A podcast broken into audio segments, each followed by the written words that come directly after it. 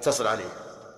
وقالوا أيضا لأن النبي عليه الصلاة والسلام قال صلوا حتى ينكشف ما بكم حتى ينكشف وحتى للغاية. وهذه كما تش... هذا الحديث كما يمنع ابتداء الصلاة مرة أخرى يمنع أيضا الاستمرار فيها واستدامتها. يقول رحمه الله فإن تجلى الكسوف فيها أتمها خفيفة وإن غابت الشمس طيب إن لم يعلم بالكسوف إلا بعد بعد انجلائها فهل يقرأ؟ لا لأننا ذكرنا قاعدة مفيدة وهي أن كل عبادة مقرونة بسبب إذا زال السبب زالت مشروعيتها فالكسوف مثلا إذا تجلت الشمس أو تجلى القمر فإنها لا تعاد لأنها مطلوبة لسبب وقد زال. نعم. ويقول ويعبر عنها الفقهاء رحمهم الله في يعبر عن هذه القاعدة بقولهم سنة فات محلها. نعم. قال وإن وإن وإن غابت الشمس كاسفة أو طلعت والقمر خاسف. أو كانت آية غير الزلزلة لم يصلي طيب هذه مسائل مسائل عدة. المسألة الأولى إذا غابت الشمس كاسفة فإنه لا يصلي. وظاهر كلام المؤلف أنه لا فرق بين أن نقول بجواز صلاة الكسوف بعد العصر أو لم نقل. وذلك لأنها لما غابت ذهب سلطانها. و وكونها كاسفة أو غير كاسفة بالنسبة لنا الآن حين غابت ها لا يؤثر شيئا فلما زال سلطانها سقطت المطالبة بالصلاة لكسوفها. وهذا هذا تعليل التعليل الثاني يقولون إنها إذا كسفت في آخر النهار فلا يصلى الكسوف. بناء على أنه سنة وأن ذوات الأسباب لا تفعل في وقت النهي وهذا هو المذهب. المذهب أن الكسوف سنة كما علمتم وأن ذوات الأسباب لا تفعل في وقت النهي. وبناء على ذلك نقول حتى لو بقيت قبل الغروب وهي كاسفة فإننا لا نصلي. ولكن الصحيح في هذه المسألة أنه يصلى للكسوف بعد العصر. يعني لو كسفت الشمس بعد العصر فإننا نصلي. وذلك لأنها صلاة ذات سبب. وعموم قوله عليه الصلاة والسلام إذا رأيتم ذلك فصلوا يشمل كل وقت يشمل كل وقت. فإن قال قائل وعموم قوله صلى الله صلى الله عليه وسلم لا صلاة بعد العصر يشمل كل صلاة. فعندنا الآن عمومان. ما هما؟ عموم النهي عن كل صلاة في زمن معين وهو العصر مثلا. وعندنا عموم الأمر بصلاة الكسوف في كل وقت. ومثل هذا يسمى العام والخاص من وجه. فأيهما نقدم؟ عموم النهي أو عموم الأمر؟ إن قلت عموم الأمر قال لك الثاني بل عموم النهي لأنه أحوط. لأنك تقع في معصية. ذكر شيخ الإسلام رحمه الله قاعدة. قال إذا كان أحد العمومين مخصصا فإن عمومه يضعف. فإن عمومه يضعف. عرفتم؟ وش معنى يعني إذا دخله التخصيص صار ضعيفا. فيقدم عليه العام الذي لم يخصص لأن عمومه محفوظ. وعموم الأول الذي دخله التخصيص غير محفوظ. وهذا الذي قاله صحيح. بل إن بعض العلماء رحمهم الله قال إن العام إذا خصص صارت دلالته على العموم ذات احتمال.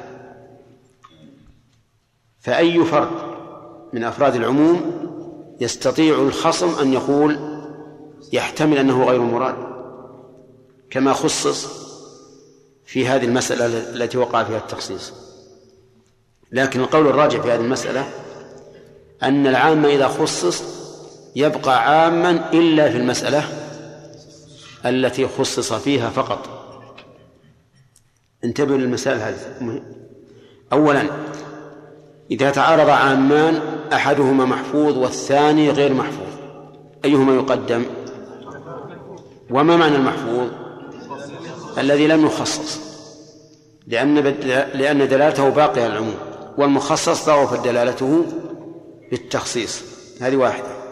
ثانيا هل العام إذا خصص تسقط دلالته على العموم؟ في هذا خلاف بين العلماء. منهم من قال إنها تسقط. وعلل ذلك بأنه لما خصص بهذه المسألة كانت المسائل الأخرى محتملة. يعني محتملة أن تكون أيضا خارجة بالتخصيص. فلا ف... لأنه لأن التخصيص يدل على أنه ليس بعام.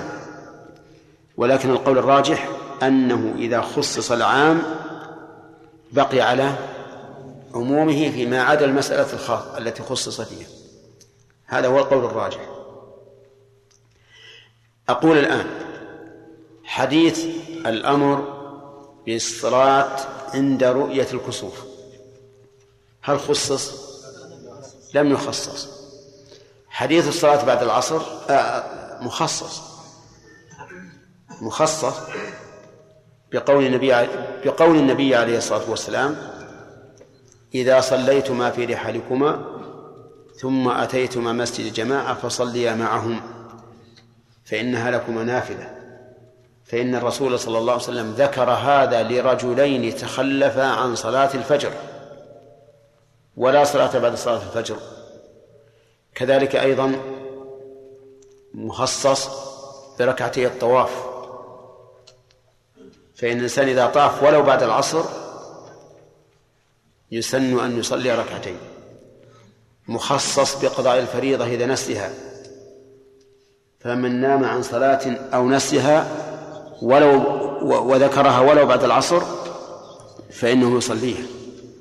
فعموم النهي إذن مخصص بعدة مخصصات فيكون عمومه ضعيفا. ويقدم حديث الأمر. ومن ثم صار القول الراجح في هذه المسألة الرواية الرواية الثانية عن أحمد أن جميع صلاة أن كل صلاة لها سبب ها؟ فليس نعم تصلى في حيث وجد سببها ولو في أوقات النهي. نعم. يقول هذه هذه المسألة الأولى أن غابة الشمس كاسفة. طيب لو لم لو لم نعلم بكسوفها إلا حين غروبها. هل نصلي أو لا؟ لا نصلي. لا نصلي ونعلل بأن سلطانها قد ذهب. فنحن الآن في الليل لا في النهار وهي آية النهار. الثاني قال أو طلعت والقمر خاسف طلعت والقمر خاسف يمكن هذا؟ لا تتعجلون جزاكم ها؟ يمكن تطلع والقمر خاسف ها؟ يمكن. يمكن. يعني في, في النصف الآن في النصف يكون القمر في الغرب نصف الشهر والشمس في الشرق. ربما يكسف. بعد ما تطلع الشمس يكسف. وهذا شيء وقع. إذن إذا طلعت والقمر خاسف يقول المؤلف إنه لا يصلي. لماذا؟ لأنه ذهب سلطانه فإن سلطان القمر الليل وقد ذهب. فلا كما لو غابت الشمس وهي كاسفة طيب لو طلع الفجر لو طلع الفجر وخسف القمر قبل طلوع الشمس هل يصلى؟ قد نقول إن مفهوم قولها وطلعت والقمر خاسف. أنها تصلى. ولكن المشهور من المذهب أنها لا تصلى بعد طلوع الفجر إذا خسف القمر لأنه وقت نهي. والصحيح أنها تصلى إن كان القمر لولا الكسوف لأضاء. كان القمر لولا الكسوف لأضاء فإنها تصلى. أما لو كان النهار قد انتشر ولا بقي إلا القليل على طلوع الشمس فهنا في الحقيقة قد ذهب سلطانه والناس لا ينتفعون به سواء كان كاسفا أم مبدرا. نعم.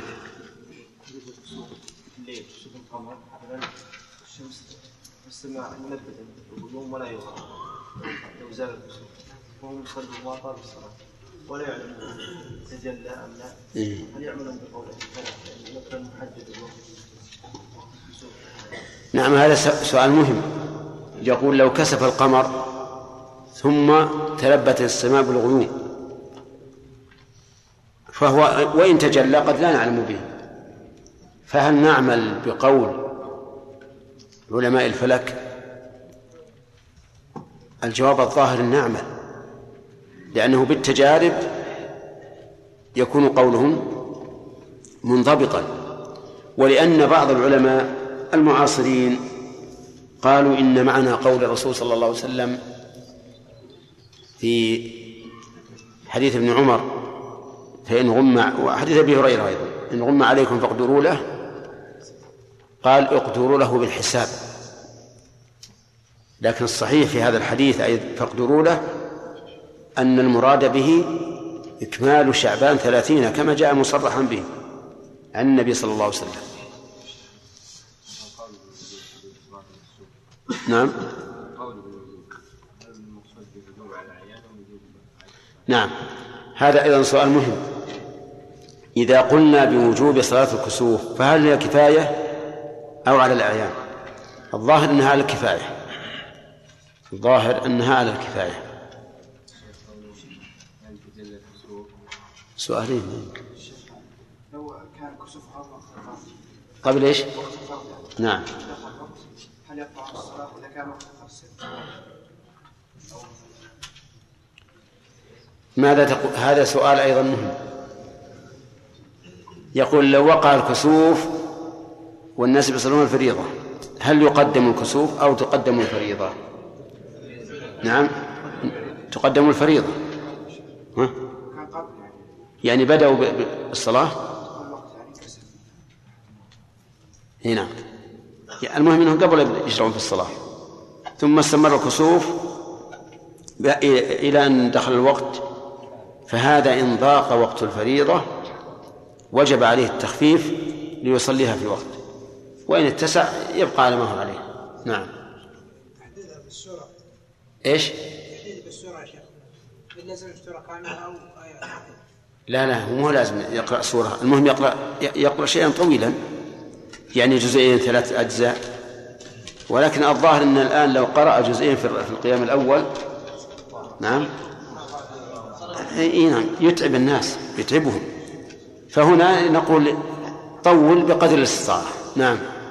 الآن الآن العام يحافظ على قلتم أنه يقدم على العام المخصص العام المحفوظ مقدم على المخصص عندنا مثلا فيما يتعلق بقراءة الفاتحة نعم. عندنا عمومان لا صلاة لمن لم يقرأ فاتحة الكتاب. وعندنا عموم إذا وإذا قرئ القرآن فاستمعوا له وأنصتوا نعم. زين. هذا عام. إذا هذا عام وهذا عام. لكن لو صلاة يقرأ مخصص. في من لم يدرك مثلا لم يدرك مكان الفاتحة. أصلا ما بينهم تعارض أصلا. لا صلاة لمن لم يقرأ بفاتحة الكتاب غير إذا قرأ القرآن فاستمعوا له. نعم لو جاءت لو جاءت الآية.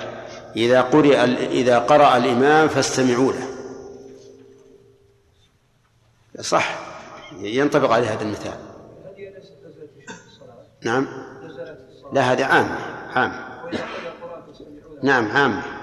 يعني معنى هذا وجوب استماع القراءة في الصلاة وفي غيرها وفي غيرها. في غيرها إذ... إذ... نعم نقول إذا قرئ القرآن فالمشروع أن تستمع لأن كلمة السمع الأولى محتملة للوجوب ومحتملة للاستحباب. ولا شك أن إذا صار عندك قارئ فالأفضل أنك تستمع له. ما لم تشتغل بقراءة أنت؟ أيهم؟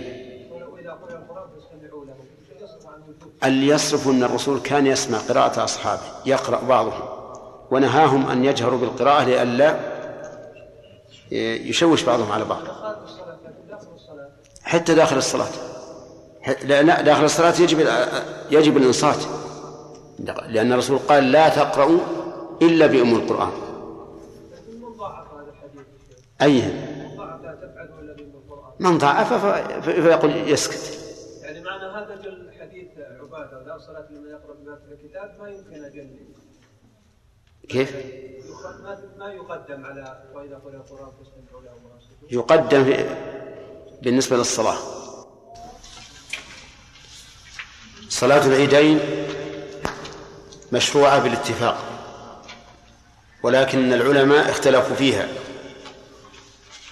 نعم. نعم. على ثلاثة أقوال نعم. منهم من قال أنها سنة نعم. منهم من قال أنها نعم. منهم من قال أنها فرض عين أحسنت. آه، ما الذي مشى عليه المؤلف؟ صاحب الزاد المشهور من المذهب وهو أنها فرض كفاية. أنها فرض كفاية. إذا قام بها من يكفي؟ سقط. طيب. ما هي الصلاة التي يسن الأكل قبلها من إحدى الصلاتين؟ صلاة الفطر عيد الفطر. هل هناك دليل؟ نعم قال أنس كان يأكل؟ قبلها تمرات نعم. تمرات وترا. طيب.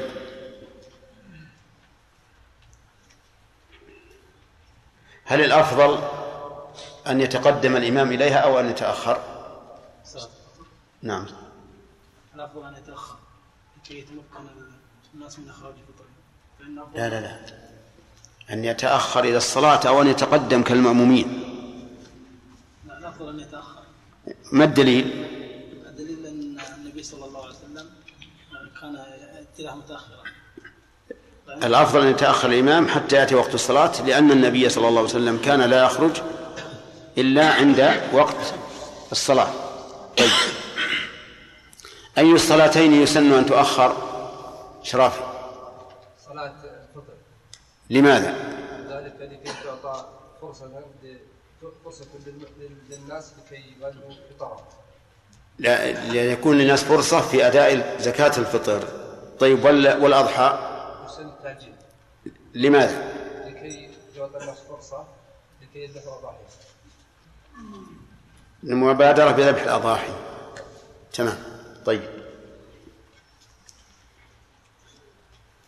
يا عبد الله ما الذي يسن في قراءة صلاة العيد؟ الأولى بعد بالغاشية. ذلك يقرأ الأولى نعم. إذن أربع صور الغاشية سبح والغاشية أو قاف والقمر. نعم.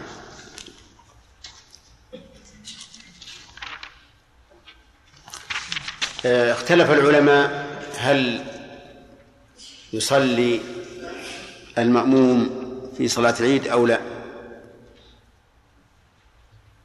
محمد. في صلاة العيد؟ قبل صلاة العيد؟ نعم. منهم من قال أنه لا يصلي؟ لا يصليها. لا. لا لا لا, يكره أن يكره أن يصليها قبل صلاة العيد. لا بعدها. إذا كان في المسجد في في المسجد؟ لا لا مو في المنزل في المسجد. في المسجد. ها. يكره أن يصليها قبلها وبعدها أن يصلي نافلة قبلها أو بعدها. طيب. ومنهم من قال أنه لا يكره مطلقا. نعم. ومنهم من قال أنه يكره قبلها لا بعدها. نعم. والصحيح أنه لا يكره مطلقا. لا قبلها ولا بعدها. ولا بعدها. طيب. ما هو دليل من قال إنه يكره أن يصلي قبلها أو بعدها؟ فعل النبي صلى الله عليه وسلم إنه كان لا يصلي قبلها ولا بعدها. طيب. وهل في الاستدلال بهذا حجة النبي صلى الله عليه وسلم نعم واما الماموم اذا قدم فانه على الراجح انه يصلي ركعتين المهم أنه ليس فيه حجة. لأن الرسول من حين ما يأتي يشرع في الصلاة. نعم. ولو جعلنا مثل هذا دليلا لقلنا أيضا الجمعة يكره أن يتنفل الإنسان قبلها أو بعدها لأن النبي صلى الله عليه وسلم كان في جمعة يأتي ويخطب ويصلي وينصرف. واضح يا جماعة؟ إذن الدليل لا يتم به الاستدلال. طيب. التكبير يكون مطلقا ومقيدا في أي وقت يا أحمد. أي نعم. متى يجتمع المقيد والمطلق؟ يجتمع من بعد الفجر أي يوم؟ يوم إلى. إلى غروب الشمس من أيام آخر التشريق على ما مشى عليه المؤلف على ما ماشي عليه المؤلف إلى صلاة العيد. إلى صلاة العيد. توافقون يا جماعة؟ وعلى القول الراجح يا خالد. القول الراجح أن أن التكبير الم- المقيد يكون في ليلتي العيدين. قيد المطلق. ما رجعت الظاهر اليوم. لا يا شيخ. ها؟ لكن إيه. السؤال. التك... الذي يجتمع فيه التكبير المطلق والمقيد من صلاة الفجر يوم عرفة إلى صلاة العيد يوم يوم النحر. هذا على على ما مشى عليه المؤلف. والقول الراجح. القول الراجح أنه من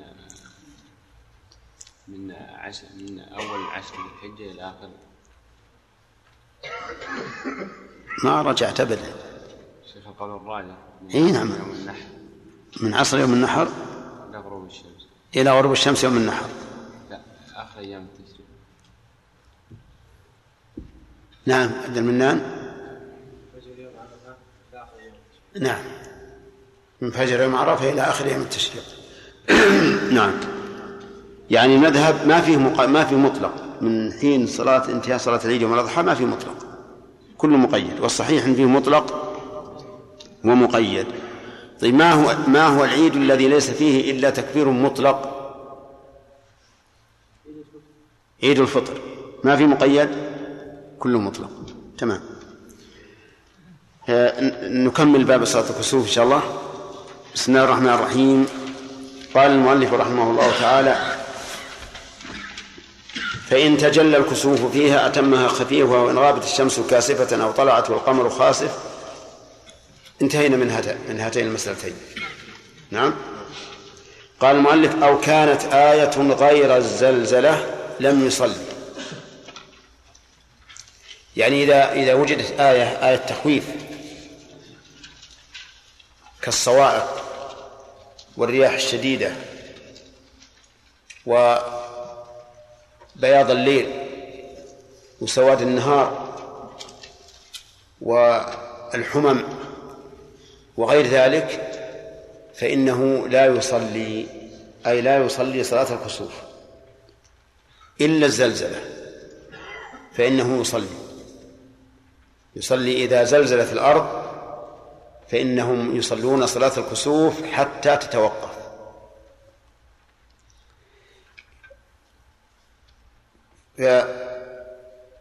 وهذه المسألة اختلف فيها العلماء على أقوال ثلاثة أيضا. القول الأول ما مشى عليه المؤلف أنه لا يصلى لأي آية تخويف. إلا الزلزلة. وحجة هؤلاء أن النبي صلى الله عليه وسلم كانت توجد في عهده الرياح العواصف والأمطار الكثيرة وغير ذلك مما يكون مخوفا ولم يصلي. وأما الزلزلة فدليلهم في ذلك أنه روي عن عن عبد الله بن بن عباس وعن علي بن أبي طالب رضي الله عنهما أنهما كانا يصليان للزلزلة فتكون الحجة في الزلزلة هي فعل الصحابة. وذهب بعض العلماء إلى أنه لا يصلى إلا للشمس والقمر لقول فإذا رأيتموهما فصلوا. ولا يصلى لغيرهما من آيات التخويف. وما يروى عن ابن عباس أو علي فإنه إن صح اجتهاد في مقابلة ما ورد عن النبي صلى الله عليه وسلم من ترك الصلاة للأشياء المخيفة. وقال بعض العلماء وهو القول الثالث يصلي لكل آية تخويف. واستدلوا بعموم العلة وهي قوله صلى الله عليه وسلم إنهما آيتان من آيات الله يخوف الله بهما عباده قالوا فكل آية يكون فيها التخويف فإنه يصلى لها. ولأن الكربة التي تحصل في بعض الآيات أشد من الكربة التي تحصل في الكسوف. ولأن ما يروى عن ابن عباس وعلي يدل على أنه لا يقتصر في ذلك على الكسوف وأن, وأن كل شيء فيه التخويف فإنه يصلى له. ولأن النبي صلى الله عليه وسلم إذا حزبه أمر فزع إلى الصلاة.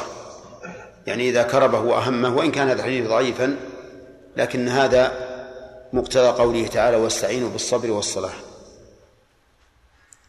وأما ما ذكر من أن النبي صلى الله عليه وسلم كانت توجد في عهده العواصف والقواصف قواصف الرعد فإن هذا لا يدل على ما ما قلنا لأنها قد تكون هذه الرياح رياح معتادة والشيء المعتاد لا يخوف وإن كان شديدا. فمثلا في أيام الصيف اعتاد الناس أن الرياح تهب بشدة وتكثر ولا يعدون هذا شيئا مخيفا. صحيح أنه أحيانا توجد صواعق صواعق عظيمة متتابعة تخيف الناس. فهل الصواعق التي وقعت في عهد النبي عليه الصلاة والسلام كهذه؟ لا يستطيع أحد أن يثبت أن هناك صواعق في عهد النبي عليه الصلاة والسلام خرجت عن المعتاد. والشيء المعتاد لا يخيف لأنه أمر جرى الناس عليه فلا يخافون منه. لكن لو تأتي قواصف صواعق عظيمة متتابعة فإن الناس لا شك سيخافون وفي هذه الحال يفزعون إلى ربهم عز وجل بالصلاة. وهذا الأخير هو اختيار شيخ الإسلام ابن تيمية رحمه الله. فهذا وهو كما ترون من القوة يعني له قوة عظيمة. لأن قوله آيتان من آيات الله يخوف الله بهما عباده يقتضي أن كل آية تخويف فإنه يشرع لها صلاة الكسوف. قال وإن أتى إن أتى في كل وإن أتى في في وإن أتى في ركعة ولا في كل ركعة؟ وإن أتى في كل ركعة بثلاث ركوعات أو أربع أو خمس جاز. إن أتى يعني المصلي في كل ركعة بثلاث ركوعات أو أربع أو خمس جاز. لأنه ورد عن النبي عليه الصلاة والسلام أنه صلى ثلاث ركوعات في ركعة واحدة. وثلاث ركوعات في ركعة واحدة. هكذا أخرجه مسلم. لكن هذه الرواية شاذة. شاذة. ووجه شذوذها أنها مخالفة لما اتفق عليه عن البخاري ومسلما في أن النبي صلى الله عليه وسلم صلى صلاة الكسوف في كل ركعة ركوعان فقط. ومن المعلوم بالاتفاق أن صلاة أن الكسوف لم يقع في عهد النبي صلى الله عليه وسلم ولم يصلي فيه إلا مرة واحدة فقط. وعلى هذا فالمحفوظ أنه صلى في كل ركعة ركوعين وما زاد على ذلك فهو شاذ لأن الثقة مخالف فيه لمن هو أرجح. ولكن ثبت عن علي بن أبي طالب رضي الله عنه أنه صلى في كل ركعة ثلاث ركوعات. وعلى هذا فيكون من سنة الخلفاء الراشدين. وينبني و وهذا ينبني على طول زمن الكسوف. فإذا علمنا أن زمن الكسوف سيطول فلا حرج من أن نصلي ثلاث ركوعات في كل ركعة أو أربع ركوعات كما قال المؤلف أو خمس لأن كل ذلك ورد عن الصحابة رضي الله عنهم. وهو يومي كما أشرت إلى زمن الكسوف إن طال أطيلت الركوعات يعني زيدت الركوعات وإن وإن قصر فالاقتصار على ركعتين أولى وإن اقتصر مع أن الكسوف سيطول فهو أولى وأفضل والكلام في الجواز. أما الأفضل فلا شك أن الأفضل ما جاء عن النبي صلى الله عليه وسلم وهو أنه يصلي ركوعين في كل ركعة. طيب ما بعد الركوع الأول؟ هل هو ركن أو لا؟ يقول العلماء إنه سنة. وبناء على ذلك لو صلاها كما تصلى صلاة النافلة العادة فلا بأس. يعني لو صلاها ركعتين في كل ركعة ركوع واحد فلا بأس. لأن ما زاد على الركوع الأول فهو سنة. وهل تدرك به الركعة؟ الجواب لا. لا تدرك به الركعة. وإنما تدرك الركعة بالركوع الأول. فعلى هذا لو دخل مسبوق مع الإمام بعد أن رفع رأسه من الركوع الأول فإن هذه الركعة تعتبر قد فاتت فيقضيها. وقال بعض العلماء إنه يعتد بها لأنها ركوع. وفصل آخرون فقالوا يعتد بها إن أتى الإمام بثلاث ركوعات. لأنه إذا أدرك الركوع الثاني وهي ثلاث ركوعات فقد أدرك معظم الركعة. فيكون كما أدركها كلها. ولكن القول الصحيح الأول وهو أن ما بعد الركوع الأول لا لا تدرك به الركعة. لا تدرك به الركعة. سواء صلى الإمام ثلاث ركوعات أو صلى ركوعين. فإن فإن الركوع الأول هو العمدة. ثم قال المؤلف رحمه الله باب صلاة الاستسقاء. هذا من باب إضافة الشيء إلى نوعه. يعني باب الصلاة التي تكون للاستسقاء. وقد يجوز أن تكون من باب إضافة الشيء إلى سببه. أي الصلاة التي سببها استسقاء الناس. والاستسقاء استفعال من سقى وهو طلب السقيا. طلب السقيا هو الاستسقاء. سواء كان من الله أو من المخلوق. فمن الممكن أن تقول لفلان أسقني ماء فيسمى هذا استسقاء أي طلب سقيا سقيا. ومن الله عز وجل تسأل الله أن يغيثك. هذا طلب سقيا أيضا. لكن في عرف الفقهاء إذا قالوا صلاة الاستسقاء فإنما يعنون بها استسقاء الرب عز وجل لا استسقاء المخلوق. صلاة الاستسقاء لها سبب. بينه بقوله إذا أجدبت الأرض وقحط المطر صلوها جماعة وفراد. إذا أجدبت الأرض أي خلت من النبات وضده الإخصاب. إذا أخصبت أي ظهر نباتها وكثر. قحط المطر أي امتنع ولم ينزل. ولا شك أنه يت... أنه يكون أنه يكون في ذلك ضرر عظيم على أصحاب المواشي وعلى الآدميين أيضا. فلهذا صارت صلاة الاستسقاء في هذه الحال سنة مؤكدة. والاستسقاء الذي ورد عن النبي صلى الله عليه وسلم ورد على أوجه متعددة. منها أنه دخل رجل يوم الجمعة والنبي صلى الله عليه وسلم يخطب الناس. فقال يا رسول الله هلكت الأموال وانقطعت السبل فادعوا الله يغيثنا. فرفع النبي صلى الله عليه وسلم يديه ورفع الناس أيديهم وقال اللهم أغثنا ثلاث مرات. وكانت السماء صحوا فأنشأ الله سحابة فرعدت وبرقت وأمطرت. ولم ينزل النبي صلى الله عليه وسلم من المنبر إلا والمطر يتحادر من لحيته.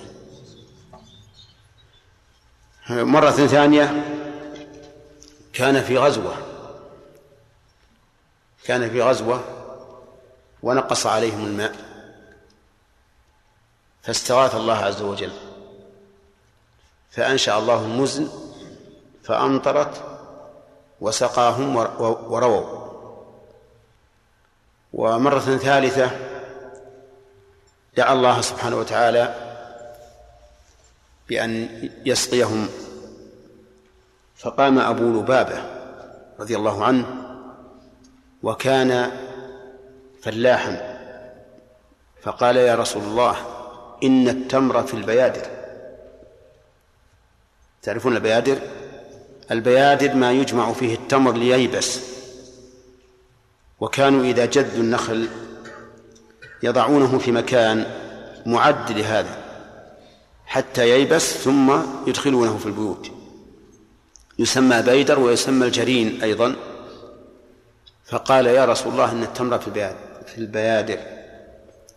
فقال اللهم أسقنا حتى يقوم أبو لبابة فيسد ثعلب مربده برداء بإزاره. اللهم أسقنا حتى يقوم أبو لبابة فيسد ثعلب مربده بإزاره. ثعلب المربد هو الفجوة التي يدخل منها السيل إلى البستان من الحائط. فتحة في الحائط يدخل منها السيل. فأمطرت السماء وأمطرت وخاف الناس من ال... من فساد التمر. فجاءوا إلى أبي لبابة وقالوا اذهب إلى مربدك وسده بإزارك لجل يقف المطر.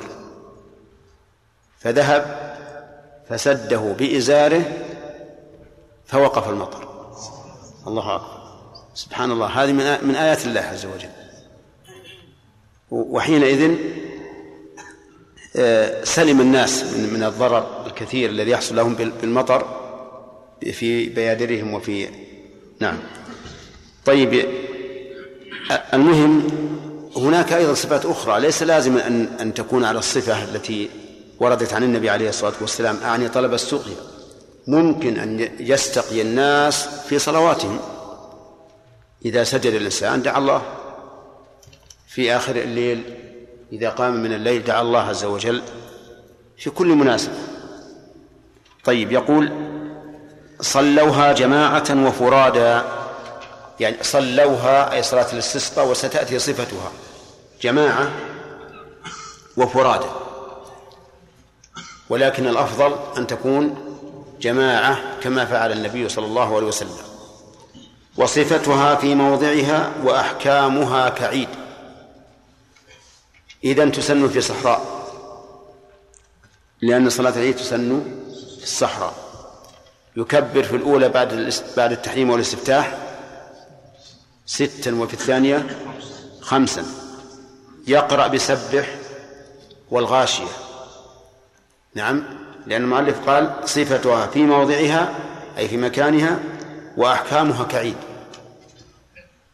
لكنها تخالف العيد في أنها سنة والعيد فرض كفاية. نعم. وإذا أراد الإمام الخروج لها وعظ الناس.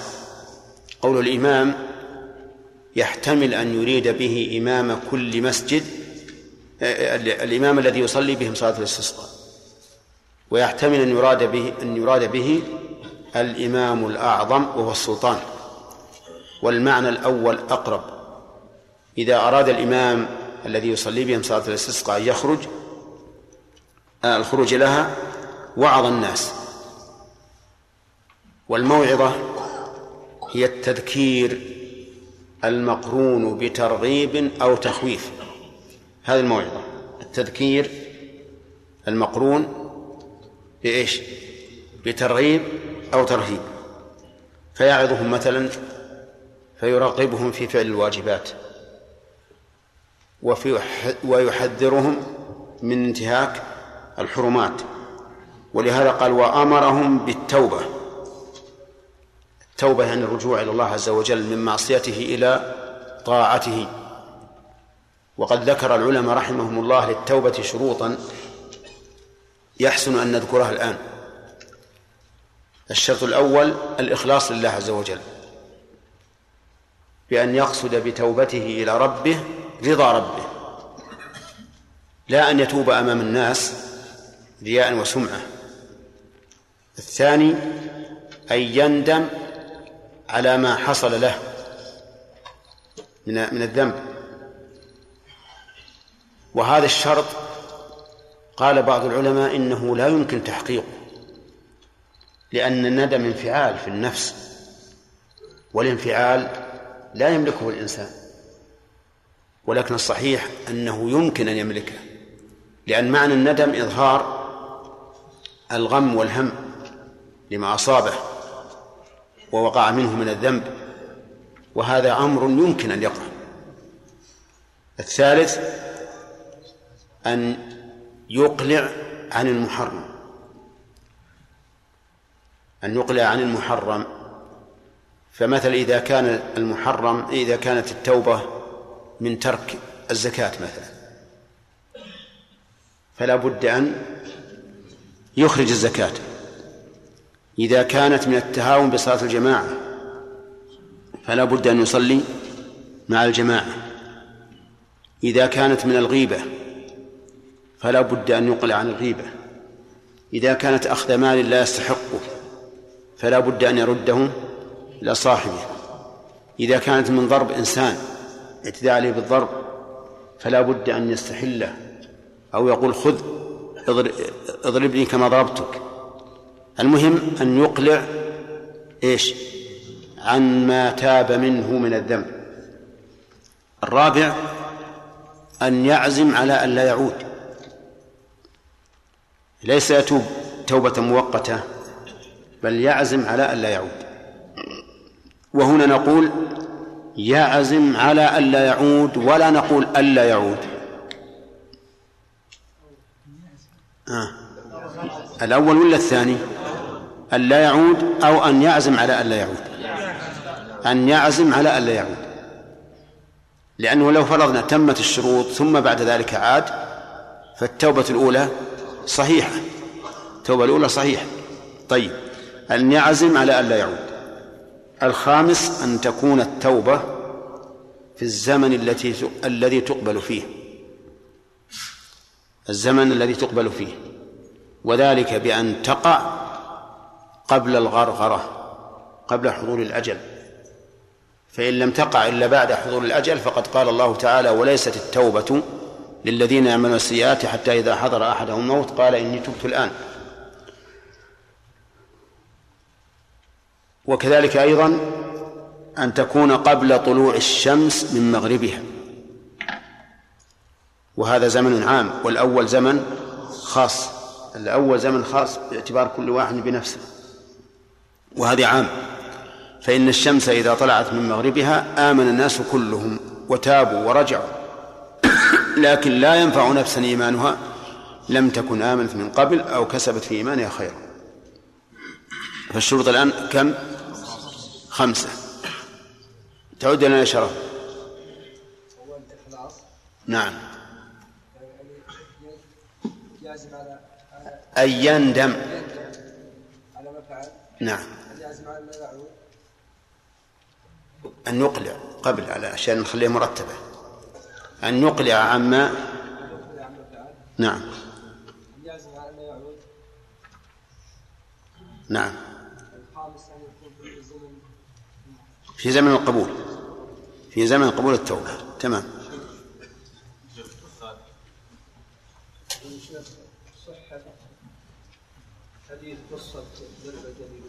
نعم. والله بعض العلماء ضعفه بعض العلماء ضعف هذا الحديث لكن لا بأس أن يستشهد به. هو هي في في شذوذ في شذوذ أو نكارة وهو قوله حتى يقوم أبو لبابة عريانا فإن هذا ما, ما يوجب نكارة المتن شو استدل يا شيخ؟ استدل بقول الرسول صلى الله عليه وسلم إذا رأيتم آية فاسجدوا في- ما ذهب إليه يكون فيها لا شيخ الإسلام ذهب إلى أن قوله إنهما آيتان من آيات الله يخوف الله بهما عباده. هذا الصحيح. الله أعلم ما أدري عن صحة الحديث هذا. صحيح ما أدري عنه. والله ما أدري عنه. ينظر فيه. يعني؟ يمكن. يمكن. السجود السجود المعهود يمكن. لكن على كل حال ينظر فيه الحديث. نعم شرافي التوبة يا شيخ إذا تاب الإنسان ثم عاد هل تحسب عليه الذنوب السابقة؟ لا. إذا تاب توبة صحيحة بشروطها التي ذكرنا ثم عاد فيكون ذنبا جديدا. أما السابقة فلا.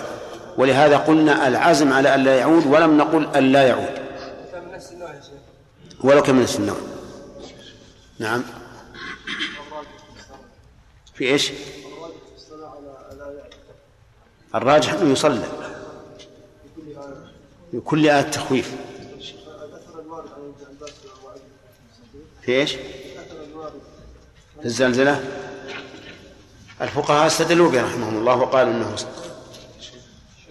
اعتمدوا عليه ولا. ولا يعود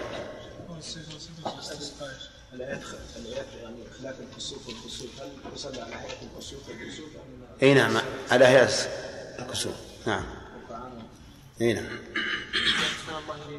الذين قالوا بأنها يمكن فيها كل آية تخويف نعم. كالصواعق والعواصف وأحسن الله إليك يعني لو قال قائل القياس فيه نظر لأن الصواعق والعواصف فيها عذاب وليس تخويف خلاف الشمس والقمر. لا. الصواعق بارك الله فيك إذا لم تسقط على أحد ما فيها ما فيها فيها تخويف. لو سقط لو سقطت صارت عذاب لكن هل كل ما الصواعق تسقط على العواصف الصواعق كثيرة. لكن العواصف أيضا صحيح. العواصف نقول انها عذاب قد عذب قوم بالريح لكن ربما تكون عذابها أخف. وإذا صلوا جلاها الله عز وجل؟ كلمة يخوف الله عام العلة يخوف الله بهما عباده وهذا لا شك إنه تخويف. لأن مثل بدل ما ما, ما تقلع مثل شجرة ليس لها أصل ثابت إذا زادت تقلع أشجار وتهدم بيوت. نعم. ها؟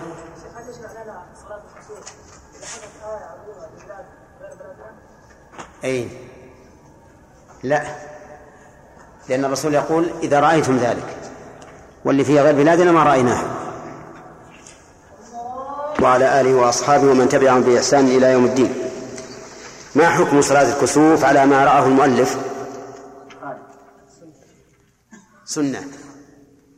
الدليل؟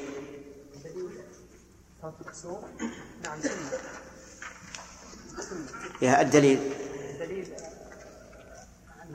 الأعرابي حينما أتى إلى النبي صلى الله عليه لا ما هو على ما هو على أنها غير واجبة الدليل على أنها سنة. الدليل على أنها سنة؟ نعم. يعني لو قال قائل إنها بدعة مثلا. لا لا فعل النبي عليه الصلاة والسلام يدل على أنها سنة. فعل النبي هذه واحد. وغير؟ نعم. قوله عليه الصلاة والسلام فإذا رأيتم ذلك فافزعوا إلى الصلاة. يعني إذا فعله أمره إذا هي ثبتت بالسنة القولية والسنة الفعلية. طيب. هل هناك قول آخر في المسألة؟ نعم.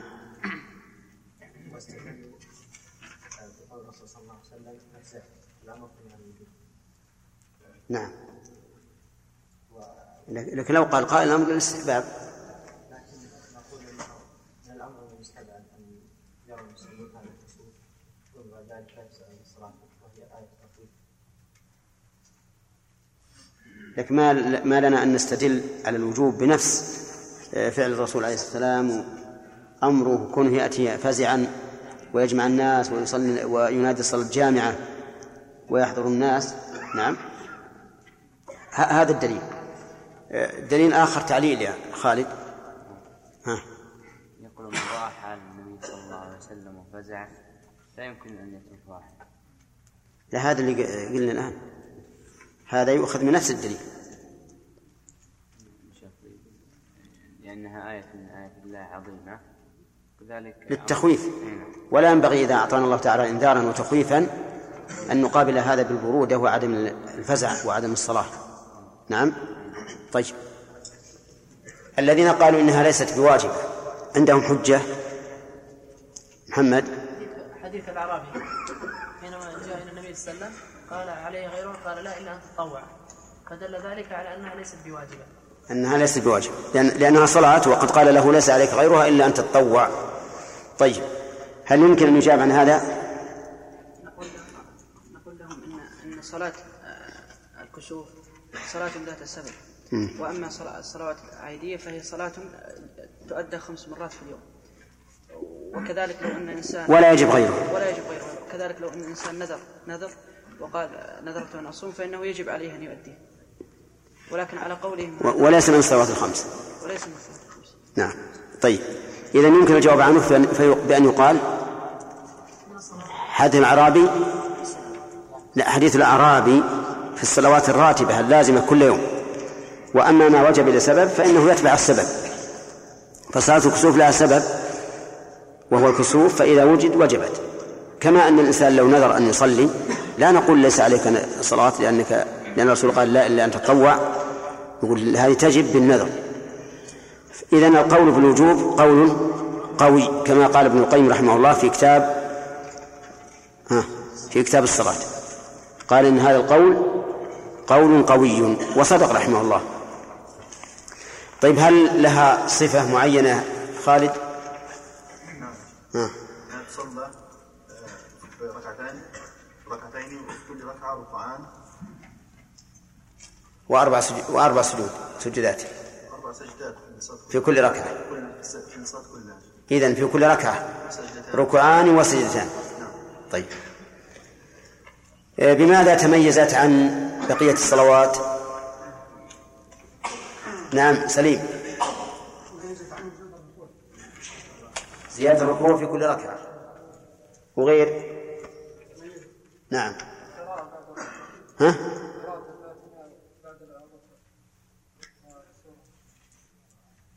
إن إن فيها قراءة بعد الركوع؟ نعم. نعم سامي. القراءة تطويل القراءة. لا لا الأسباب فيها أشياء لسبب كتحديث المسجد مثلا. نعم. ذكروها. فيها في كل وقت الجهر فيها بالقراءة ليلا أو نهارا. تمام. خالد؟ مثل غيره. إيه حتى اللي غيره لو زال السبب ما ركعتين أربع أنا أردت خالدا أن طوله وقصره يعتمد على تجلي الشمس؟ على إيش؟ على تجلي الشمس. ما هو ما هو فرق. هذا لأنه مقرون بسبب شو أنت يا صالح أو مصلح؟ ها؟ أنت صالح وهو مصلح. هو- هذا مش هاب مش هاب. انها ركعتين يا شيخ وبقى إيش؟ انها ركعتين. إيه وبقى الصلاة والصلوات أربع الصلاة أربعة؟ إيش؟ الفجر كم؟ بعد الصلاة أربع نعم. لا لا ما فرق نعم. إي. وغيره؟ غيرها أيضا تنازل. والله ما هنا فرق ها يشرع بعد الخطبة والعيد. نعم؟ لا هذه هذه قلنا زيادة الركوع على على واحد. نعم. كل ذكرناها. ها؟ ما في شيء. نعم. إيش؟ إيش؟ إذا زال السبب وقيمة خفيفة لا ما تقام أبدا إذا زال السبب. ها؟ إذا ذكرها خالد ولكن مو بهذا تاما إيه. اي لكن بس كل شيء له سبب. أصلا المقرون بسبب إذا زال سببه زالت مشروعيته لكن العيدين مؤقتة. مثل الخمس. نعم. ترى هذا آخر واحد. يلا أحمد. إحنا يجوز يا شيخ الزيادة في الركوع إلى ثلاث وأربع وخمس. ذكرت. ذكرت وليس فرقا لأن هذا يكفي عنها أن نقول فيها زيادة على الركوع الأول. مشروعية الصدقة. وقراءة القرآن إذا إذا انتهت الصلاة ولم ينتهي الكسوف والكسوف. إيه. نعم هذه صحيح. أنه يشرع فيها الذكر والاستغفار والتكبير والصدقة والعتق. العتق في صلاة الكسوف. هذه لا تشرع في في, في الصلوات الأخرى. صحيح. هذا من هذا من الفروق وهو خارج عن نفس الصلاة لكنه فرق. نعم. ما هي مقرونة بالصلاة؟ الصدقة هذه من أجل الفطر. نعم. لا. لا. على كل حال يكفي ما شاء الله. بارك الله فيكم. طيب. إذا غابت الشمس كاسفة فما الحكم يا أحمد؟ إذا غابت الشمس كاشفه لا يصلى. لا يصلي ما هو مأخذ المانع؟ أن سلطان الشمس قد زال الآن. نعم.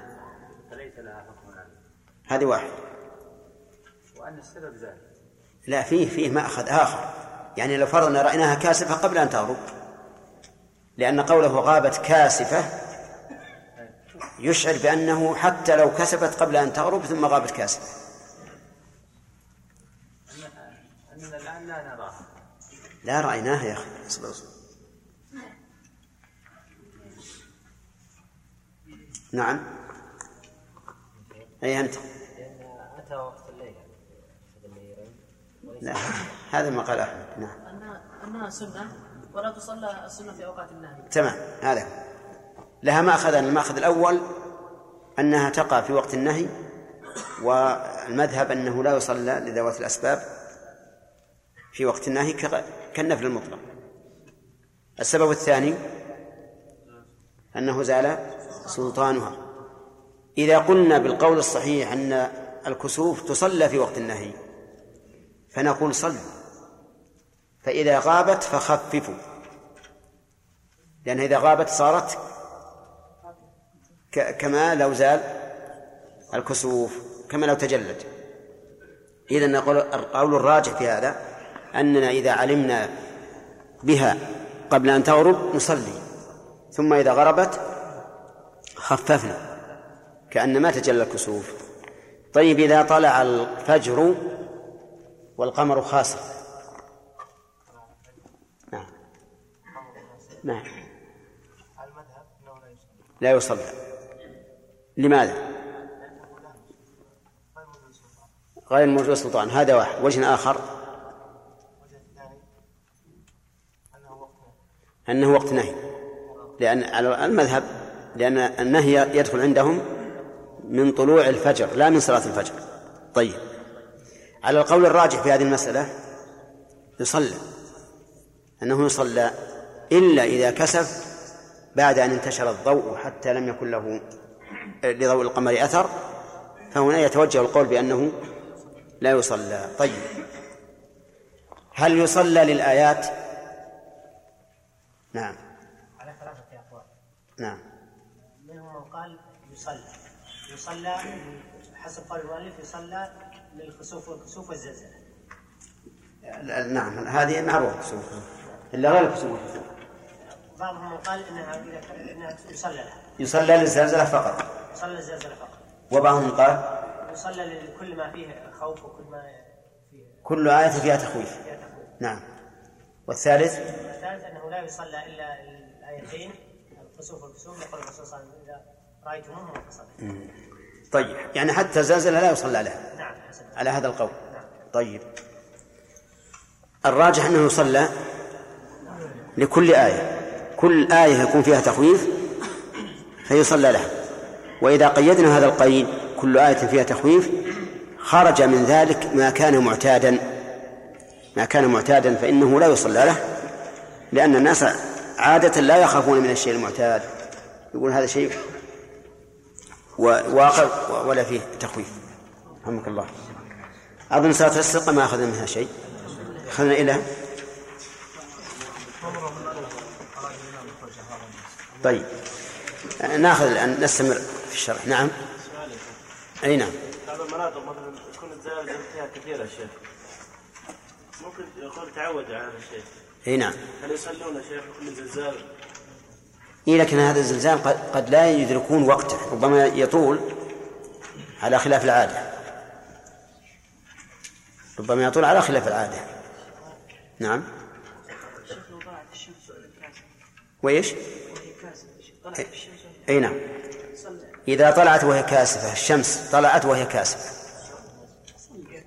ها؟ المذهب لا يصلى إلا إذا ارتفعت قيد رمح لأنه وقت نهي. والقول الصحيح؟ يصلى. فإن تجلت قبل أن ترتفع قيد الرمح سقطت على المذهب. وعلى القول الثاني إذا قلنا يشرع من حين ما يراها كاسفة ولو, ولو لم ترتفع أتمها خفيفة. نعم. هل لها نداء معين إي نعم. إي نعم. الم... ما ذكر المؤلف؟ ها؟ ما ذكرها؟ اي ما رايحنا صحيح. لا ولا ذكر. طيب. على كل حال لها نداء. يسن النداء لها. والنداء أن يقول الصلاة جامعة مرتين أو ثلاثا بحيث يعلم أو يغلب على ظنه أن الناس سمعوا. وإذا قلنا بهذا فإنه يختلف بين الليل والنهار. في الليل قد يكون الناس نائمين يحتاجون إلى تكرار الصلاة جامعة.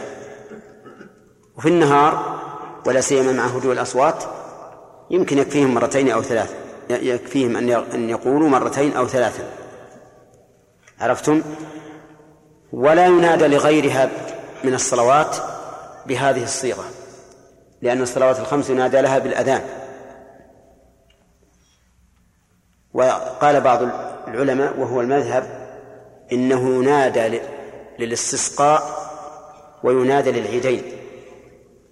الصلاة جامعة لكن هذا القول ليس بصحيح. هذا ليس بصحيح. ولا يصح قياسه على إيش؟ على الكسوف. لأن الكسوف ثبت أن النبي صلى الله عليه وسلم أمر أن ينادى الصلاة جامعة. لا يصح قياسه على الكسوف لوجهين. الوجه الأول أن الكسوف يقع بغته خصوصا في الزمن الأول لما كان لا يدرون عنه إلا إذا وقع. والوجه الثاني أن العيدين لم يكن النبي صلى الله عليه وسلم ينادي لهما وكل شيء وجد سببه في عهد النبي صلى الله عليه وسلم ولم يفعله ففعله بدعة لأنه ليس هناك مانع يمنع الرسول عليه الصلاة والسلام من فعله. ولو كان هذا السبب سببا له لفعله. فالصواب أن العيدين والاستسقاء لا ينادى لهما. والفرق بينهما وبين الكسوف كما عرفت نعم. الزلزلة الزلزلة والله بعد يعني الزلزلة كل أربع دقائق إذا طال إي نعم. ما تدري. في وقت الزلزلة لا هم قالوا الزلزلة الدائمة. أما اللي تأتي لحظة وتنتهي انتهت. ما في زلزلة في النار بعد قاعة لا ما تدري. ما ت... لا النفي ترى صعب. صعب يا ياسر صعب يا ياسر يمكن تكون زلازل خفيفة وت... وتبطي. البراكين يمكن ما. ما تبطي؟ اي يطلعون برا. يطلعون للبر. الله عاد اللي ما تشقى الحمد لله. يلجؤون الله بالدعاء بغير الصلاة.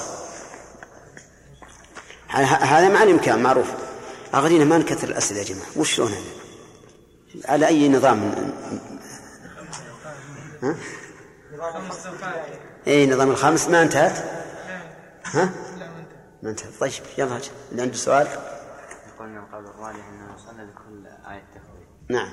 نشوف هل هي على الوجوب ما أظن أنها تكون على سبيل الوجوب. وش اللي أخذ؟ السؤال يقول إذا قلنا بأنه يصلى لكل آية فهل نقول إن الخلاف في الوجوب يسري هنا كما يسري في وجوب صلاة الكسوف. أقول الظاهر أنه لا لا يسري ولكن مقتضى القياس إذا قلنا بالوجوب أنه يكون واجبا. لأن القياس تسوية فرع بأصل في الحكم. نعم. يحيى. صلاة فجائية يا شيخ قال ولادة في صلاة جامعة مثل مثل ما حصل النبي صلى الله عليه وسلم في قصة تميم الداري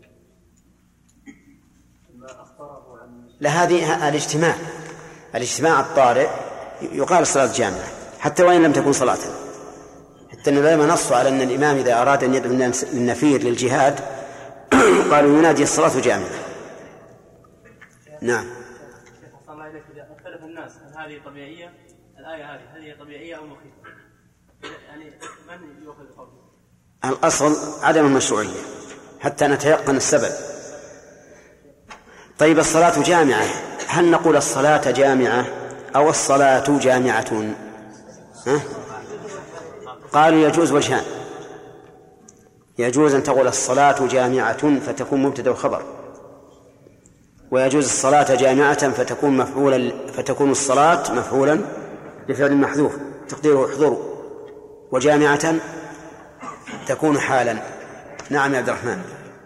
قال يجوز يعني أربعة أو خمسة ركوع في يجوز نحن نحن قلنا أنها لم تصلي ما لم تصلى إلا مرة واحدة في فكيف يجيز شيء لم يعني الله ما فعل إلا تكلمنا على هذا يا عبد الرحمن. تكلمت بس لا قاعدة فل- فلما تكلمنا ينبغي أن يكون مفهوما الكلام. الشيخ قلنا قاعدة وش القاعدة؟ أي شيء يعني حصل في عهد فعل الله صلى الله عليه وسلم لا يزاد عليه وهي عبادة لا يقال وش قلنا يا جماعة؟ ثبت الشيخ عن علي ثبت عن علي رضي الله عنه أنه صلى ثل- ثلاث ركوعات. عنه هذا حديث مسلم وهذاك متفق عليه فيرجح في الأحاديث. لا لا. قلنا يرجح أنه أنه مرفوع. حديث عائشة راجع على حديث علي باعتبار أنه مرفوع مع باعتبار أنه فعله هو فلا تعارض. نعم قال العلماء في الجواب عن ذلك لأن لأن علي رضي الله عنه رأى أن الكسوف سيطول زمنه. ففعل ذلك. بقي علينا مسألة حقيقة ما بحثناها لأن المؤلف ما جاء بها. لو انتهت الصلاة والكسوف باقي ضد اللي هو قال. انتهت الصلاة لا موجود ترى بالشرح موجود في الروض المربع لو انتهت الصلاة والكسوف باقي هل تعاد الصلاة أو لا؟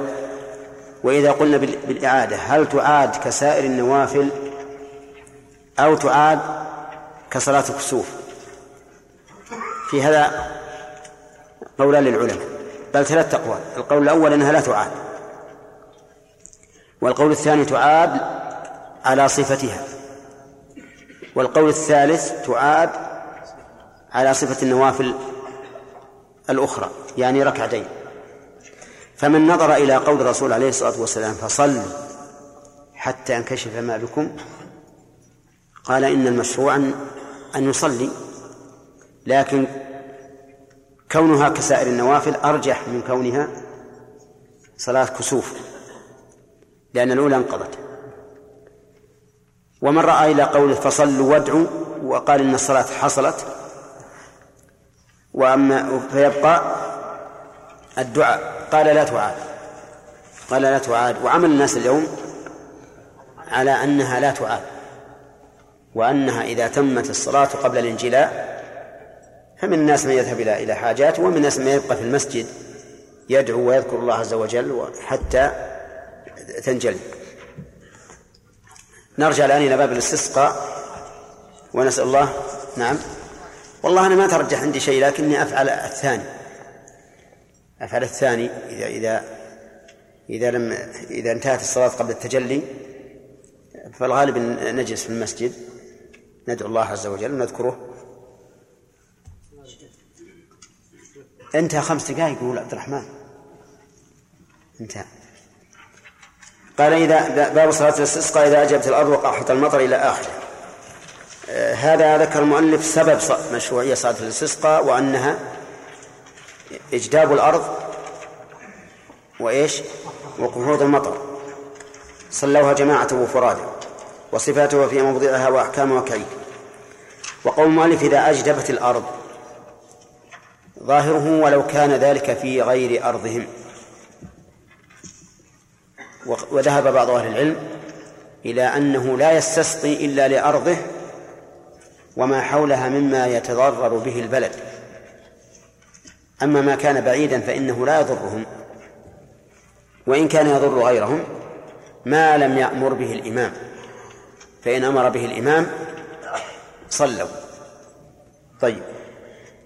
قال وإذا أراد الإمام الخروج لها من الإمام؟ يحتمل أنه الإمام الأعظم أو إمام الصلاة وهو الأقرب. وعظ الناس. والوعظ هو ذكر الأحكام أو التذكير المقرون بالتخويف والترهيب. والترغيب قال وعظ الناس. قد يقول قائل أين الدليل على أنه إذا أراد الخروج يعظ الناس؟ أليس النبي عليه الصلاة والسلام قد خرج إلى المصلى واستسقى؟ فهل وعظهم؟ نقول نعم إنه إذا كان يعظهم وعظا عاما كما لو صادف أنه يتكلم في خطبة الجمعة فيعظ الناس. فهذا طيب. ولا يقال إنه وعظهم من أجل الاستسقاء ولكن من أجل خطبة الجمعة والمناسبة. قال وأمرهم بالتوبة من المعاصي وذكرنا أن التوبة يشترط لها خمس شروط. والخروج من المظالم. الخروج من المظالم هذه من باب عطف الخاص على العام وذلك لأن الخروج من المظالم من التوبة وقولها المظالم جمع مظلمة فتشمل المظلمة في حق الله والمظلمة في حق العباد. مثال الأول لو كان لم يخرج زكاته أو لم يخرج كفارة كانت عليه فهذا هذه المظلمة في حق في حق الله فليبادر إليها. ومثال الثاني لو كان عنده حق لشخص مثلا دراهم أو منافع أو غيرها فإنه يخرج منها أيضا بإيفائه. فإن كان الحق غير مالي كالغيبة مثلا فإنه يخرج منها. بأن يذهب إلى من من تكلم فيه ويقول إني تكلمت فيك فحللني. ولا يخرج من عهدتها إلا بذلك. وقال بعض العلماء إن كان الذي تكلم فيه قد علم فليذهب إليه وليستحله. وإن لم يعلم فلا يذهب إليه بل يستغفر له ويذكره بخير في الأماكن التي كان يغتابه فيها لأنه ربما لو ذهب إليه وطلب أن يحلله ربما تأخذه العزة بالإثم فيأبى لأن بعض الناس لا يهمه أن يأتي إليه أخوه معتذرا بل إذا قال. إني تكلمت فيك فأرجوك السماح قال له ليش تكلم فيه؟ من قال لك؟ من محلك؟ عرضي. ثم غضب وأبى أن يسامح وهذا القول هو الصحيح. أنه إن علم أنك اغتبته فاستحله. طيب فإن قال أنا لا أحللك إلا إذا أعطيتني عشرة دراهم ها؟ يعطيه؟ نعم يعطيه. هذا حق له. نعم. أو أكثر. حتى لو طلب أكثر يعطيه. لأن إعطاءه في الدنيا أهوى من إعطائه في الآخرة. قال وترك التشاحن. التشاحن بين الناس يعني يأمر الإمام أن الناس أن يتركوا التشاحن فيما بينهم. وهي الشحناء والعداوة. والبغضاء لأن التشاحن سبب لرفع الخير. ودليل ذلك أن النبي صلى الله عليه وسلم خرج ذات يوم ليخبر أصحابه بليلة القدر فتلاحى رجلان من المسلمين فرفعت. يعني رفع العلم بها. يعني أن الرسول عليه الصلاة والسلام أنسيها من أجل التشاحن. قال العلماء فنأخذ من هذا أنه إذا كنا نطلب الله الخير أن ندع التشاحن فيما بيننا. فإذا قال قائل كيف يمكن أن يزيل الإنسان ما في قلبه من الحقد أو الغل على أخيه؟ كيف يمكن؟ لأن هذه تعتري كثيرا من الناس. يكون في قلبه حقد على أحد أو عداوة ثم لا يستطيع أن يتخلص منها.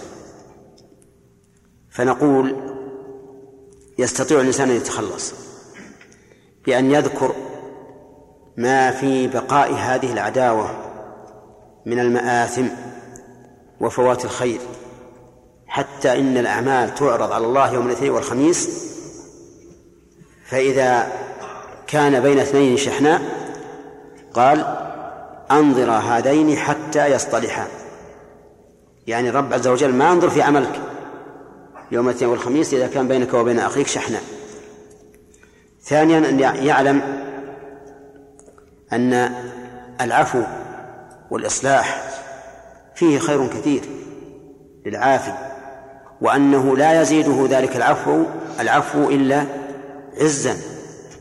ما كما قال النبي عليه الصلاة والسلام ما زاد الله عبدا بعفو إلا عزا ثالثا أن يعلم أن الشيطان وهو عدوه هو الذي يوقد نار العداوة والشحناء بين المؤمنين لأنه يحزن أن يرى المسلمين متآلفين متحابين فيحزن إذا رآهم كذلك ويفرح إذا رآهم متفرقين والعداوة والشحناء بينهم. فإذا ذكر الإنسان المنافع والمضار فالإنسان عاقل. لا بد أن يأخذ بما فيه إيش؟ المصالح والمنافع ويدع ما فيه المضار والمفاسد. فعليك أن تجاهد نفسك. ولو أهنتها في الظاهر فإنك تعزها في الحقيقة. لأن من تواضع لله رفعه. وما زاد الله عبدا بعفو إلا عزا. وجرب تجد. تجد أنك إذا فعلت هذا الشيء وعفوت وأصلحت ما بينك وبين إخوانك تجد أنك تعيش في راحة في طمأنينة في انشراح صدر في سرور قلب. لكن إذا كان في قلبك حقد عليهم أو عداوة فإنك تجد نفسك في غاية ما يكون من الغم. والهم وكيف أتخلص وكيف أعمل ثم يأتيك الشيطان بكل احتمالات يحتملها كلامه. يعني لو احتمل كلامه الخير والشر وش يقول الشيطان؟ يحمله على الشر مع أن المشروع أن يحمل الإنسان كلام إخوانه على الخير ما وجد لها ما وجد له محملا.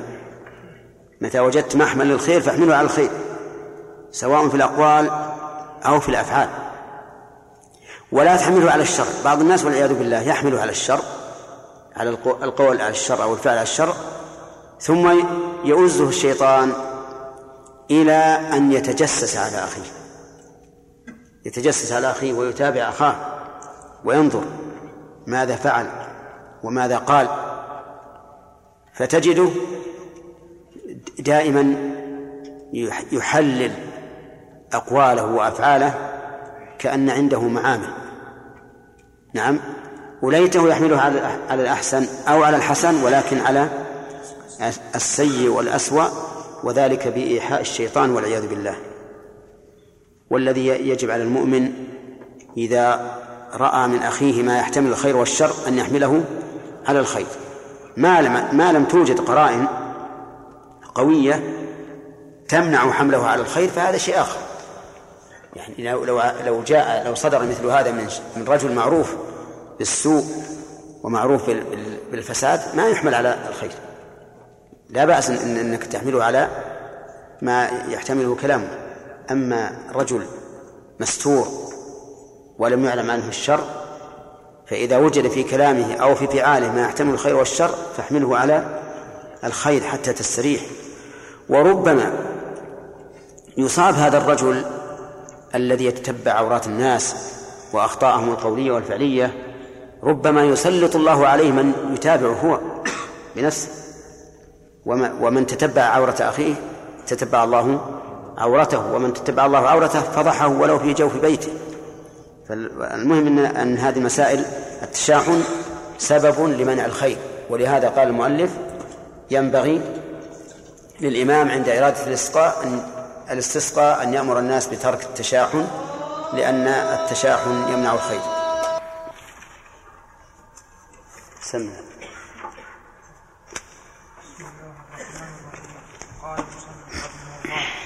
باب صلاة الاستسقاء.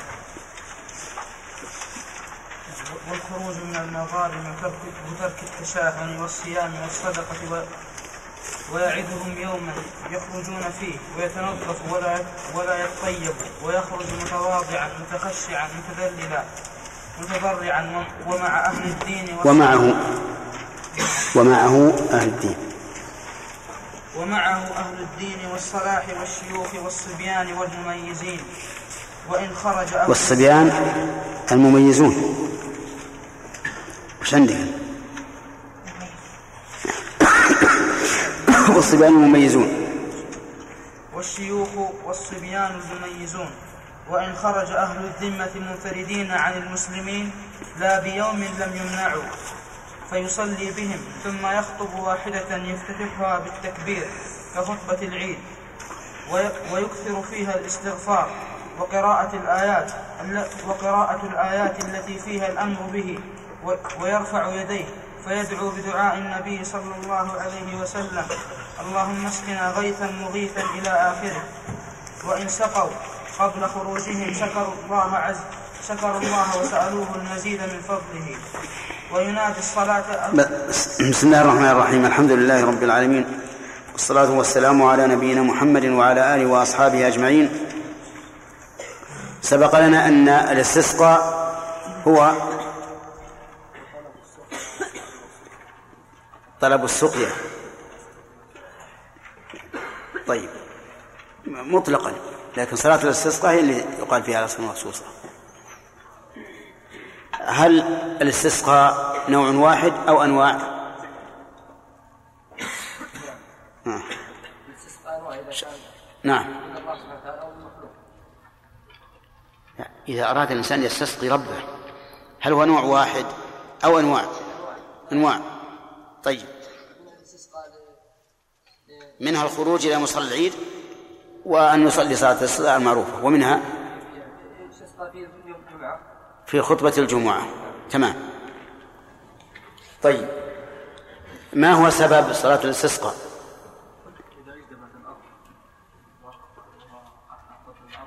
قحط المطر. ما معنى أجدبت الأرض؟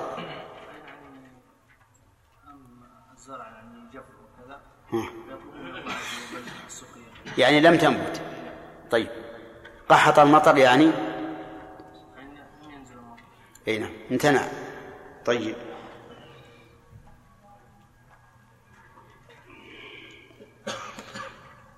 تصلى صلاة الاستسقاء. جماعة أو فرادى؟ يجوز أن تصلى جماعة وأن تصلى فرادى. طيب. كما قال المؤلف. أظن وقفنا على وصفتها كعيد ها؟ إذا أراد الخروج له يعني. طيب.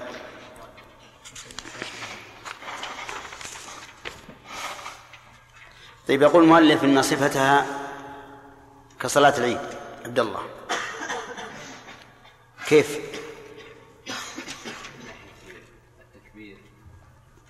تكبيرات الزوائد. نعم.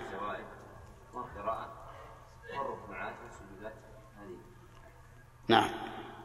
هل فيها دليل على هذا؟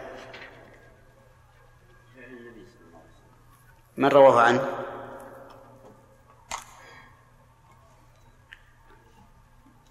نعم. حديث ابن عباس. أن النبي صلى الله عليه وسلم صلاها كما يصلي كما يصلي العيد.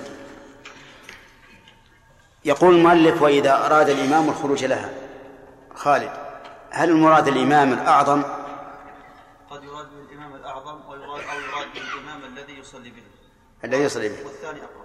والثاني أقرب. لل- للعموم. قوله وعظ الناس. ما هي الموعظة؟ موسى. لا. إذا أراد الخروج عن الإمام وعظ الناس. هم. بعضهم ترك الشاحن إيه لكن وش معنى وعظ. وعظ. نعم.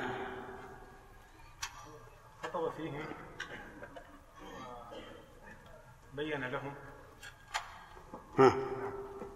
بين لهم أشرف الوعظ والترغيب نعم الوعظ والتذكير المقرون بالترغيب والترهيب. نعم. تذكير المقرون بالترغيب بالترغيب والترهيب لي- ليلين القلوب. طيب. أمرهم بالتوبة من المعاصي. التوبة معناها أخ. الإقلاع عن الذنب. يعني الرجوع إلى الله عز وجل من معصيته إلى طاعته. لها شروط يا عبيد الله. خمسة شروط. الإخلاص لله. والندم على فعل المعصية الندم على فعل المعصية. الإقلاع عنه الإقلاع عنها. العزم أن لا يعود.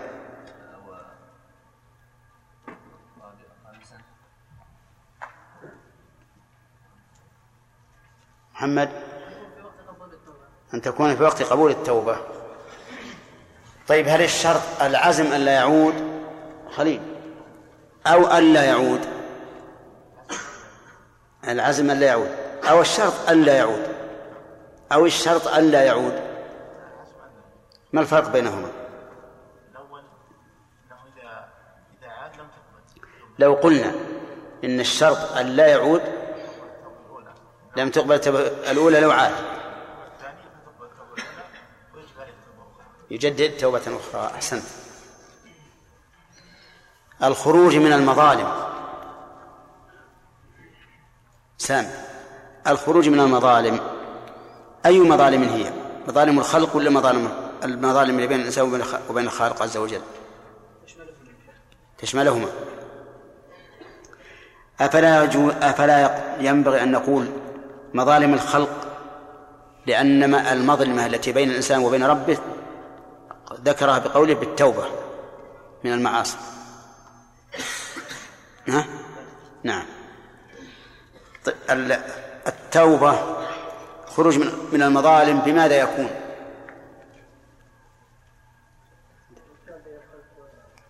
بين بين الخلق بعضهم بع- مع بعض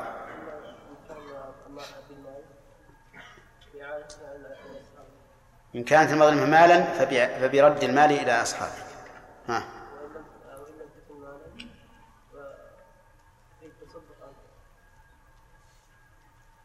إذا كانت عرضا مثل مغتابه بالمجلس يستحله ها؟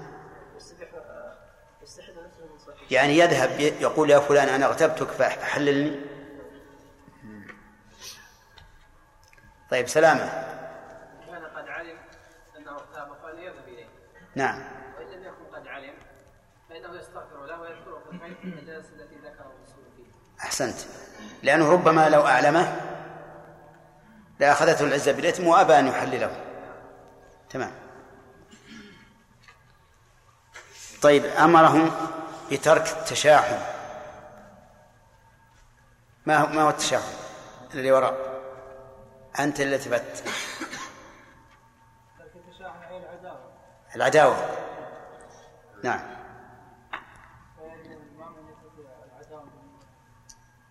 لأن كل هذه الأسباب كل هذه الأمور سبب لمنع القطر.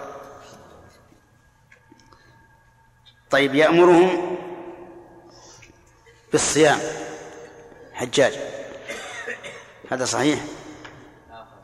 ماخذناه طيب. بسم الله الرحمن الرحيم. نأخذ درس الليلة إن شاء الله. يأمرهم أيضا بالصيام يعني يأمرهم أن يصوموا. قال بعض العلماء يصوم ثلاثة يصومون ثلاث يأمرهم أن يصوموا ثلاثة أيام ويخرج في اليوم الثالث. وقال بعضهم يجعل الاستسقاء يوم اثنين أو خميس لأن يومي الاثنين والخميس مما يسن صيامهما. فيكون خروج الناس وهم صائمون. وعللوا ذلك بأن دع بأن الصائم أقرب إلى إجابة الدعوة من المفطر. فإن للصائم دعوة لا ترد. ولهذا تجدون أكثر ما يأمر ولي الأمر بالاستسقاء في يوم في يوم الاثنين. لأنه يوم يسن صيامه. فإذا صامه الناس وخرجوا في هذا اليوم صار ذلك أقرب إلى الإجابة. هكذا قال المؤلف رحمه الله ولكن في هذا نظرا ولكن في هذا نظرا لأن النبي صلى الله عليه وسلم حين خرج إلى الاستسقاء لم يأمر أصحابه أن يصوموا. أما ما ذكره أما ما ذكره المؤلف أولا بالتوبة من المعاصي والخلود من المظالم فهذه مناسبة. لكن الصيام طاعة مفعولة موجدة تحتاج إلى إثبات دليل أو تحتاج إلى إثباتها بدليل. وإذا كان الأمر قد وقع في عهد النبي صلى الله عليه وسلم ولم يأمر أصحابه بالصيام فلا وجه للأمر به. نعم قد نقول لو اختار يوم الاثنين ولا ولم يجعله سنة راتبة دائما لا يكون استسقى إلا في الاثنين من أجل أن يصادف صيام بعض الناس لو قيل بهذا لم يكن فيه بأس. لكن كوننا نجعلها سنة راتبة لا يكون الاستسقاء إلا في يوم الاثنين أو نأمر الناس بالصوم ففيه نظر. قال ويأمرهم أيضا بالصدقة. الصدقة قد يقال إنها مناسبة لأن الصدقة إحسان إلى الغير.